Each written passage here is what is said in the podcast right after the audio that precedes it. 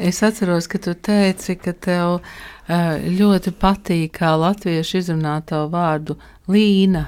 Tā mazliet stiepjoši. Ja, jā, ar garu zīmi. Ar garu zīmi. Jā, man ļoti patīk. Jā. Bet ukrainiski būtu līna. Nu, ukrainiski mums nav garumzīmes. Jums vispār. nav garumzīme. Kad man tā kā pirmo reizi mani pajautāja, vai tevi sauc Lina vai Līna? Mm -hmm. Un es kā, man, man te bija tik skaisti, to otru ar garam zīmi, tā līna. Un es uzreiz pateicu, jā, es esmu līna. Tā kā un visur es rakstu savu vārdu ar garu zīmi, jā, latviski kaut gan mums tā kā ukraiņu valoda nav garam. Šodien uh, Latvijas radio studijā ir tulkotāja un psiholoģa Līna Meļņiks. Sveika, Līna! Sveiki! Es atceros to mūsu satikšanos. Jūs atbraucāt kopā ar mammu. Jā. Un toreiz vēl nebija likuma par bēgļu statusu Ukrainas eh, cilvēkiem, eh, man bija tāds sajūta, ka viss notiek mazliet pusslepeni, arī ar eh, varbūt pat savstarpēju neusticēšanos, jo jūs jau arī droši vien nezinājāt, ar ko jums kurā brīdī būs darīšana. Mm, bet, jā, mums, protams, bija ļoti liela vēlēšanās ar tevi runāt, jo tu jau tad zināji latviešu valodu. Un tagad droši vien tu zini to labāk vēl. Paldies, es ļoti ceru, man, man nav tā sajūta pašai, bet es ļoti ceru, ka es, man liekas, ka es tiešām daudz daru, lai apgūtu latviešu valodu labāk. Un tu turpini tulkot, jā? Es turpināju tulkot. Jā, jā. izstāst lūdzu. Es zinu, ka bija tāds um, liels notikums, kad tu tulkoji skrodedienas silmečos. Jā. Tu tulko no Rīkstenu. Jā. Un tagad būs vēl viens jaunums, Mika grāmata. Ja? Jā, Mika grāmata ir jau izdota, tā kā janvārī, un mums 1. mārtā Rīgā Latvijas Nacionālajā bibliotēkā būs grāmatas atklāšana. Jā, tā ir Laura Gundara grāmata. Laura Gundara par... izcila grāmata. Nu, tā sauc par bērnu grāmatu, bet es teiktu, ka tā nav tikai bērnu grāmata. Tā ir tā ļoti gudra grāmata arī pieaugušiem. Nu, mēs zinām tās grāmatas vēsturi, jo tas ir par lācīti Miku, kuru paņem līdzi izsūtījumā, un pēc tam viņš atkal atgriežas eh, Latvijā, un tas stāsts droši vien ir ir eh, tikpat smeldzīgs un sāpīgs kā mums, tā jums. Pa šiem diviem gadiem, kas ir noticis tavā dzīvē, cik daudz tu par to gribi pateikt? Man liekas, ka es visu laiku strādāju, un uh, visi tie notikumi ir saistīti ar karu un eh, saistīti ar to, kas ir notiek Ukrainā, kas ir notiek frontē, vai ir ieroči vai nav, vai ir naudā vai nav. Un, jā, un man liekas, ka tā nu, pašlaik nu, visa mana dzīve ir tur. Un daļa darba, jo es, es tulkoju grāmatās, uh, Bet es vēl strādāju pilna slodze par psihoterapeiti. Un es strādāju ar karabēgļiem, ar ukraiņiem šeit, Latvijā. Es strādāju Rīgā, bet cilvēki brauc uz konsultāciju jau uz vienu stundu. Un tava mamma aizbrauca atpakaļ? Viņa bija dažas nedēļas Ukrajinā, tā veselības dēļ, no nu, tādām problēmām, kuras viņai nesanāca atrisināt šeit, Latvijā. Mm -hmm. nu, bet citu laiku viņa ir Latvijā. Man liekas, ka viņa ļoti labi, viņa nu, pašlaik ļoti labi jūtas Latvijā.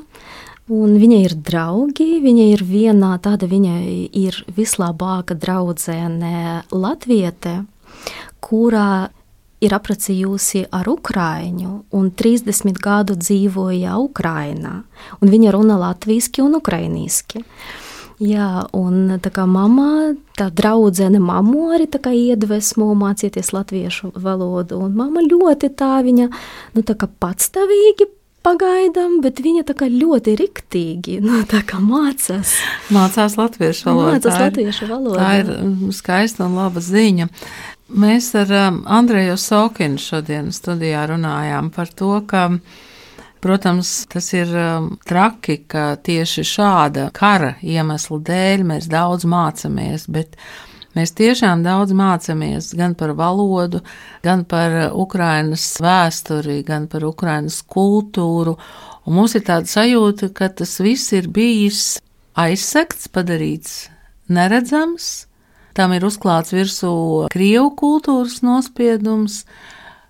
Kā tu to varētu raksturot? Vai tā ir, teiksim, katra individuāla cilvēka varbūt neizglītotība, vai tā ir bijusi apzināta politika tam, ka mēs nezinām Ukrainas kultūru? Noteikti tā bija tā kā apzināta politika, un es domāju, ka noteikti Krievija tērēja ļoti daudz naud, naudas, naudas jā. tam piāru Krievu kultūrai. Jā.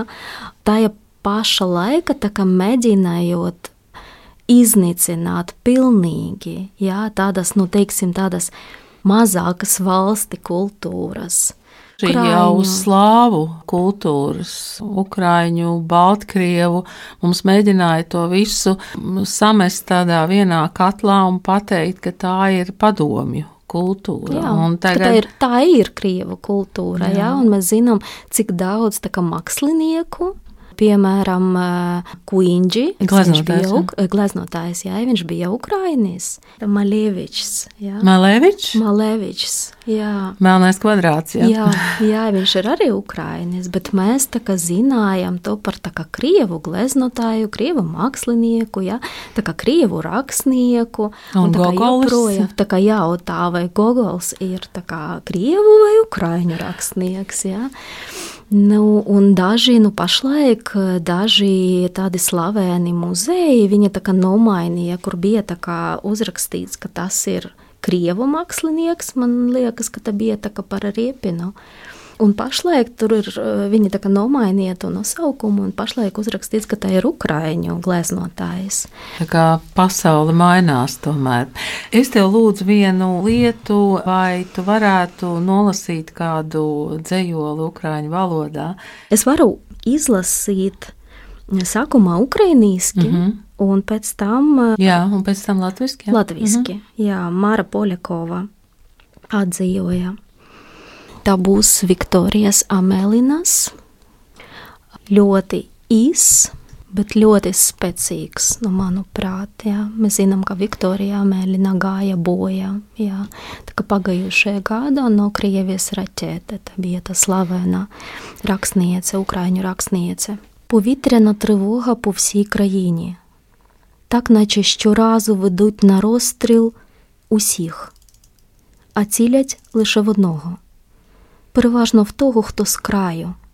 Сьогодні не ти. Відбій.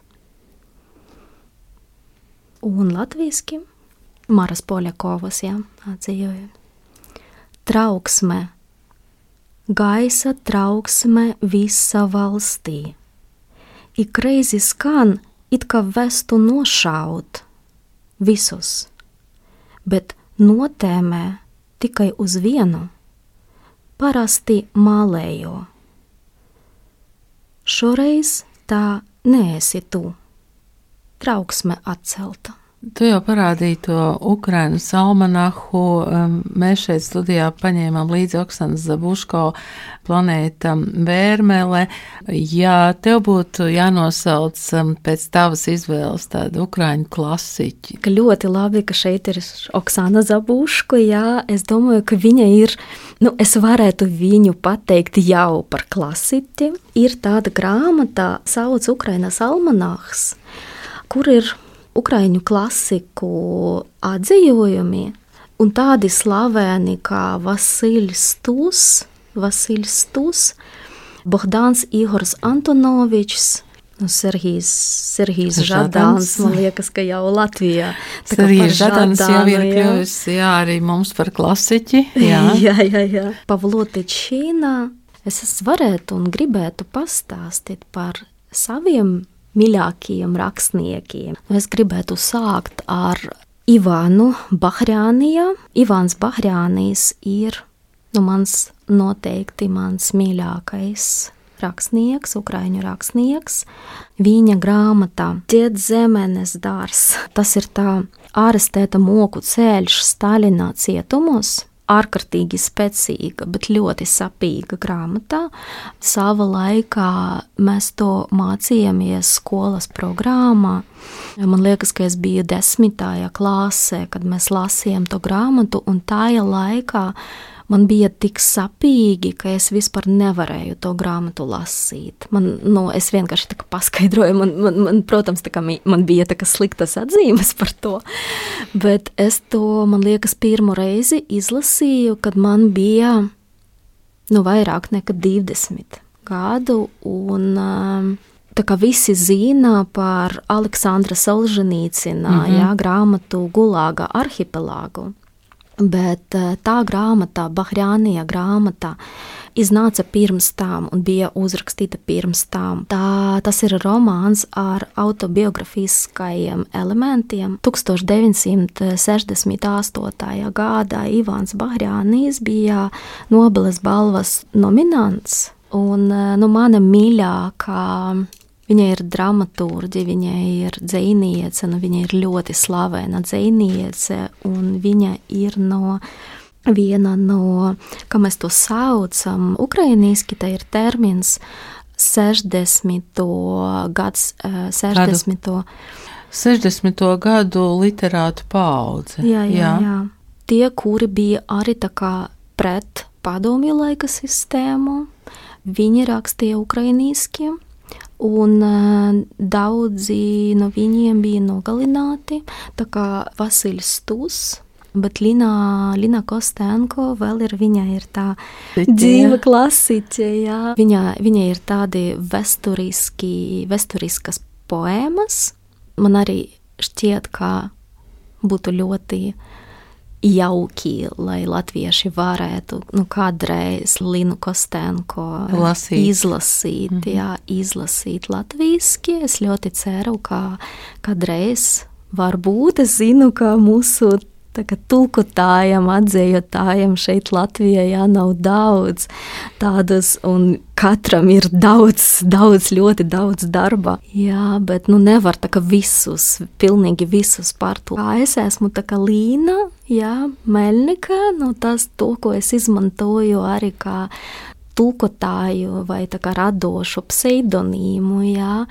Nu, tā arī tā man tā Līna Kostēnko, jā, nu man ļoti kaut kā tā kā, nu, mīlī, ka tā ir, nu, tas, tas vārds ir līdzīgs vai tas pats, jā, kaut kā man tā iedvesmo ļoti.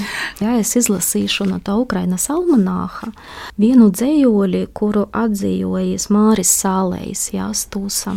Vasiļs Stūs piecīmies 1938. gadā un numeris 85. gadā. Viņš ir dzinieks, tulkotājs, literārs zinātnieks, disidents, cilvēktiesību aizstāvjs un cīnītājs par Ukrainas neatkarību. Piedzīvoja padomju režīma represijas, ilgus gadus pavadīja ieslodzījumā, miris Urālu darba nometnē, bada streika laikā. Ieslodzījumu un izsūtījumu gadus Stūs rādīja savus labākos darbus, kuri kļuva par Ukrainas literatūras sastāvdaļu. Ar šī kā asaras mazliet, mm. jā. Šajā laikā, kad mums tā kā jautā, jā, kur ir jūsu Ukraiņu Nobeles laureāti. Es domāju, ka Vasiljs Stūs noteikti šeit varētu būt. būt. Jā. jā. Es izlasīšu jā, to dzējoli. Man zvaigzne nupāt rītā meta gaismu caur logā apjomu un svētībā pār sirdi pazemīgos poža nogūla. Līdz laimes pieskarienu jaušot saprātu, šī zvaigzne tikai sāpju lauska, ko atšķēlusi ugunīga mūžībā.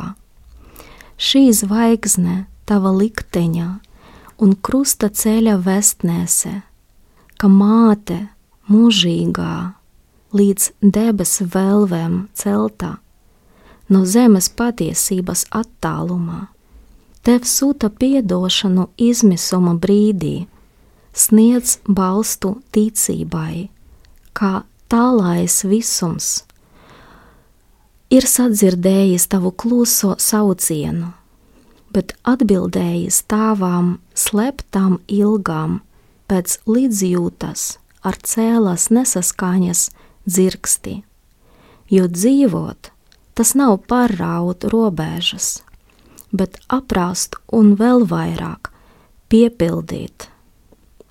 Vien māte iespēja dzīvot tā, lai logā mirdzētu, kā zvaigzne. Lasīšana un valodas mūs padara gudrākus. Paldies! Paldies!